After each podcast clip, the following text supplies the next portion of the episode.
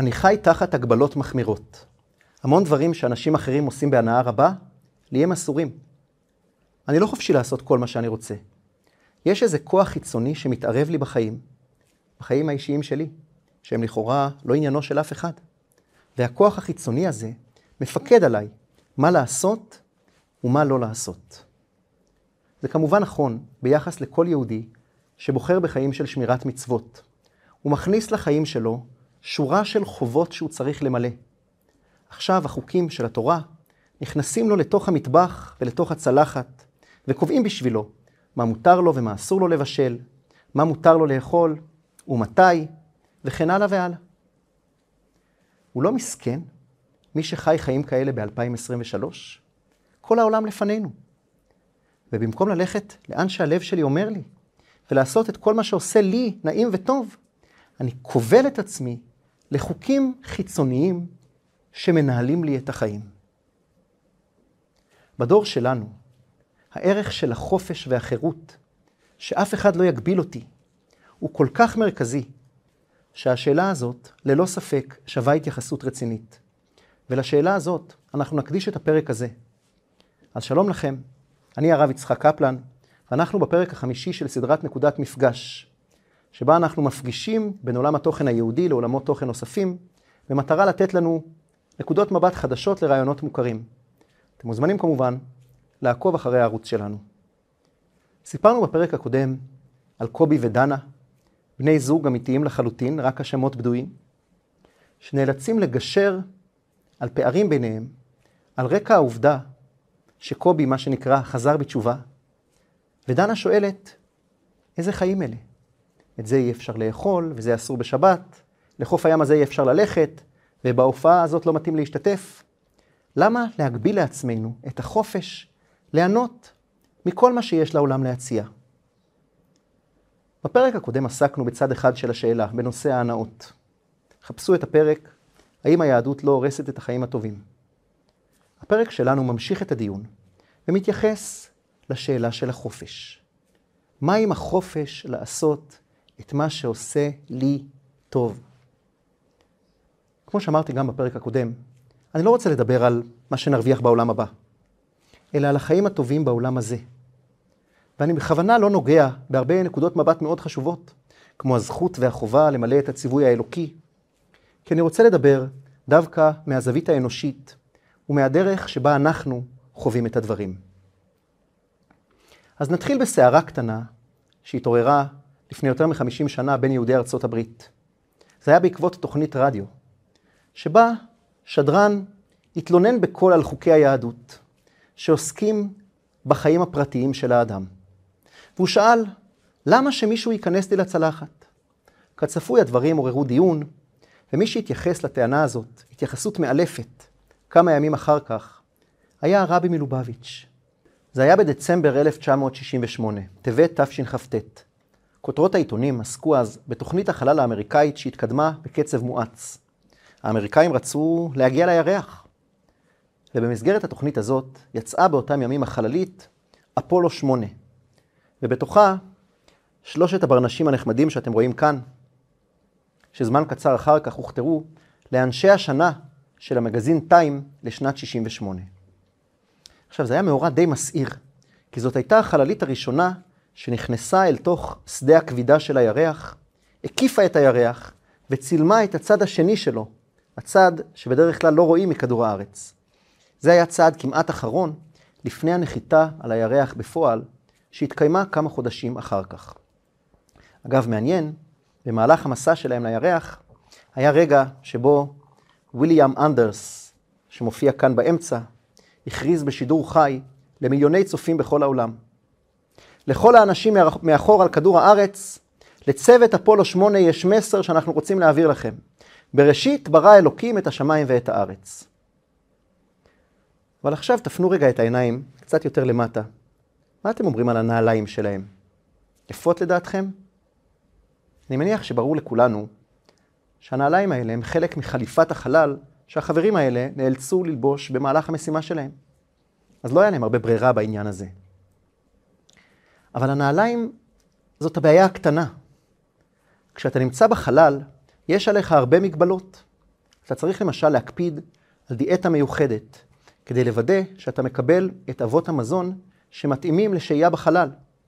כי התנאים הפיזיקליים השונים משפיעים על המערכות בגוף, ולכן צריך למשל להפחית ברזל, להפחית נתרן ועוד ועוד. שלושת האסטרונאוטים האלה היו צריכים לעבור בדיקות תזונתיות לפני הטיסה, במהלך הטיסה ואחרי הטיסה. הם היו צריכים למלא שאלונים, מה הם אכלו וכמה הם אכלו בכל ארוחה. למה אנחנו מקבלים בהבנה את ההתערבות בתפריט שלהם, בביגוד שלהם ובסדר היום שלהם? או אולי נשאל את זה אחרת. למה לי אף אחד לא מתערב בבחירת הנעליים? כי למי אכפת מהנעליים שלי? תנעל מה שאתה רוצה, לכפות הרגליים שלך. אין לזה השפעה על שום דבר חוץ מעל כפות הרגליים שלי. אבל כשמדובר על האסטרונאוטים האלה, זה מאוד אכפת. זה מאוד חשוב לדעת בדיוק מה הם אוכלים ומה הם לובשים, כי הם נשלחו למשימה. וההקפדות האלה חיוניות להצלחת המשימה שלהם. בגלל שהם עושים דבר כל כך חשוב, כל פרט בסדר היום שלהם הוא קריטי ומשפיע על היכולת שלהם למלא את התפקיד האחראי שהם נשלחו למלא. מיליארדי דולרים הושקעו כדי לשלוח את שלושת האנשים האלה לירח. אי אפשר להרשות שההשקעה הזאת תרד לטמיון. כשאתה נמצא במשימה כל כך יקרה וחשובה, יש משמעות לכל צעד שאתה עושה. כל פעולה היא גורלית ויכולה לקבוע אם השליחות שלך תצליח או חלילה תיכשל. והאסטרונאוט מבין ויודע את זה. ולכן, מתוך תחושת אחריות ובגאווה גדולה, הוא לובש את הנעליים הצהובות ואוכל אוכל של אסטרונאוטים. וכשאנחנו חוזרים מכאן לנושא שלנו, אני חושב שבשלב הזה ברור שהשאלה הגדולה היא, איך אני תופס את המצוות? האם אני רואה אותם כרשימה של מגבלות שצריך איכשהו להתמודד איתם? כמו שכתב פעם העיתונאי ידידיה מאיר, שדתי זה כמו חולה צליאק. זה אסור לו גלוטן, וזה אסור לו חמץ בפסח. זאת איזושהי צרה שצריך להתמודד איתה. אז מפתחים כל מיני תחליפים, כדי שיהיה אפשר איכשהו להמשיך את החיים כרגיל, למרות המגבלה המעצבנת.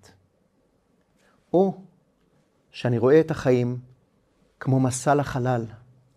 כי אני מאמין שיש בתוכי נשמה שעשתה כנראה מסע קצת יותר ארוך ומורכב מהמסע של אפולו 8, והגיעה לכאן כדי למלא משימה, כדי למלא שליחות. ובמסע הזה שלה הושקעו מיליארדי, אני לא יודע מה המטבע המקומי בעולם הנשמות, אבל הושקעו משאבים אדירים כדי שאני אהיה כאן. כי מישהו מאמין שיש ערך עצום לנוכחות שלנו בעולם הזה, ולמסע שאנחנו עוברים כאן יחד. מבינים את ההבדל? אם הגענו לפה רק בטעות, והחיים שלנו לא מעניינים אף אחד, ואין שום משמעות להימצאות שלנו כאן בעולם, אז באמת, who cares? למי אכפת? תאכל מה שאתה רוצה, תלבש מה שאתה רוצה, תלך לאן שאתה רוצה. זה חסר משמעות. אבל אם יש לי כאן משימה למלא, יש לי עבודה ויש לי תפקיד לשנות משהו כאן בעולם הזה. אז זה כן משנה מה אני אוכל ומה אני לובש, ואיך אני מדבר ואיך אני מתנהג. בגלל שאני לא נמצא כאן סתם, בגלל שאני בשליחות חשובה, לכן כל פעולה וכל צעד בחיים שלי הם משמעותיים. כל צעד משפיע במישרין על הצלחת המשימה שלי, שכל כך הרבה משאבים הושקעו כדי שאני אבצע אותה על הצד הטוב ביותר. אם לאף אחד לא אכפת, אז באמת, תעשה מה שבראש שלך. אבל באיזה עולם אנחנו רוצים לחיות? בעולם שבו לאף אחד לא אכפת? או בעולם שבו למישהו כן אכפת? המתנה הכי גדולה שאפשר לתת לנו היא הידיעה שלמישהו אכפת, ושהחיים שלנו הם לא סתם. ויליאם אנדרס והחברים שלו מילאו את ההנחיות בשמחה, כי הם ידעו שהם עושים היסטוריה. גם אנחנו עושים היסטוריה. גם אנחנו משנים את העולם בצעדים קטנים, באמצעות המעשים הקטנים שלנו. עולם שבו החיים הם מסע שנשלחנו אליו, ולא תאונה. שבו אנחנו כאן עם תפקיד למלא, ולא נעים לשום מקום בלי מטרה, הוא עולם שמח יותר. שמח יותר בשבילנו. זה עולם שנותן לנו את מה שהישגים חומריים לא יכולים לתת. את הדבר הזה גילה פסיכולוג מפורסם מאוד, אברהם מסלו, יהודי אגב, מי שפיתח את פירמידת הצרכים, שנקראת על שמו, פירמידת הצרכים של מסלו. בבסיס של הפירמידה עומדים הצרכים הפיזיולוגיים, לנשום, לאכול, לישון. זאת הרמה הראשונה של הצרכים שצריך לספק. כשיש את זה, אפשר להתקדם לרמה הבאה. ביטחון, הצורך בבית, במקור הכנסה קבוע.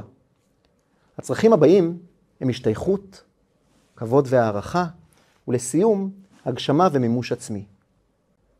אחרי שמאסלו פרסם את התיאוריה שלו, הוא המשיך לפתח ולחקור אותה, וזמן קצר לפני פטירתו, הוא הוסיף עוד קומה שעומדת ממש בקודקוד, או אם תרצו בפסגה. הוא לא הספיק לפרסם אותה באופן מסודר, ולכן הגרסה הנפוצה של הפירמידה לא כוללת אותה. מתברר שמעל כל אלה נמצא הצורך שמאסלו קרא לו בלועזית transcendence, שזה בענייננו היכולת להתעלות מעל הקיום האישי אל משהו גדול יותר ממני. בערוב ימיו מאסלו הרגיש שאחרי שהשגתי הכל בשביל עצמי, אני עדיין לא אהיה מאושר אם חסר הקודקוד הזה של להכניס לחיים איזשהו יסוד רוחני שהוא מעבר לקיום שלי. עשיתי את כל הציוויים של החברה שלנו. תעשה מה שעושה לך טוב, תעשי מה שעושה אותך מאושרת, תלכי עם הלב שלך, תלך בלי הלב שלך, תטרוף את העולם ושהעולם יטרוף אותך. כל זה לא ישמח אותי, כמו הידיעה שקמתי בבוקר לא סתם, אלא כי יש לי משהו לעשות כאן. ואתם יודעים מה? אם זה דורש ממני ויתור, זה רק מעצים את התחושה הזאת. אני רוצה להציע לכם את התרגיל הבא. תחשבו על מישהו שנמצא בטיול בחו"ל עם חברים. כל החברים שלו נכנסו למסעדה, אבל הוא לא יכול כי הוא שומר כשרות. והאמת שהוא ממש רעב, הקיבה שלו מקרקרת, והאוכל מעורר תיאבון. והוא יודע שהאלטרנטיבה זה קרקרים וטונה מקופסת שימורים. ועכשיו הוא מתלבט, להיכנס או לא להיכנס. מצד אחד אני שומר כשרות, ומצד שני, רעב. איזה החלטה תעשה אותו מאושר יותר? אם הוא יוותר לעצמו ויוכל, או אם הוא יגיד לעצמו לא, אני אוכל כשר, ויתגבר ויסתפק בטונה. מה יהיה טעים יותר? האוכל שמוגש במסעדה, הוא הטעם של ההתגברות על התאווה, למען משהו גדול יותר ממני. לא נראה לי שחקרו את זה, אבל יש מצב דומה שדווקא כן חקרו. נתנו לאנשים מעטפות עם כסף מזומן, לחלק מהאנשים אמרו לבזבז את הכסף על עצמם, ולחלק מהאנשים נתנו הנחיות לקנות בכסף הזה דברים לאנשים אחרים. בסוף מדדו לפי שיטות מקובלות את רמת העושר. איזו קבוצה הייתה מאושרת יותר? צריך לענות, או שזה מובן מאליו? השאלה של להיכנס או לא להיכנס למסעדה עומדת בדיוק על ההבדל בין לקבל לבין לתת. לעשות משהו בשבילי, או לעשות משהו בשביל מי שברא אותי, ושלח את הנשמה שלי לכאן, והטיל עליה תפקיד. והנה, אני עושה עוד צעד בדרך למילוי התפקיד הזה. אז הנה אנחנו שוב עם משפט סיכום בשביל דנה. ההגבלות לכאורה על החופש, זה מה שנותן ערך ומשמעות לנוכחות שלנו כאן. כי אם היינו כאן סתם, באמת, לאף אחד לא היה אכפת. אז זה לא לסבול עכשיו כדי להרוויח פרס בעולם הבא. זה לזכות כאן ועכשיו באושר וסיפוק שהישגים חומריים לא יכולים לתת לנו. לסיום נשארה השאלה השלישית שעוד לא התייחסנו אליה. מה לגבי הצנזורה על עולם התרבות? אם השאלה הזאת מעניינת אתכם, אתם מוזמנים לכתוב בתגובות, ובעזרת השם נקדיש לה את הפרק הבא.